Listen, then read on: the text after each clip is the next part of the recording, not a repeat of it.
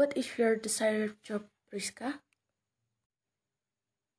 Well, my desired job changes in accordance to age.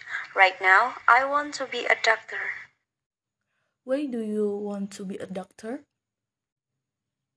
I want to help people to be healthy so they can live long and happy.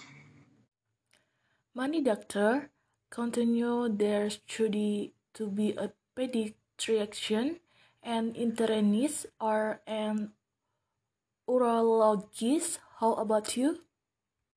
I think I want to be a pediatrician so I can help children to be healthy and grow happily. Mm, is your mom or dad a doctor? No, my mom is a seamstress and my dad isn't a farmer, but they support me to be a doctor. Mm, good, good to know.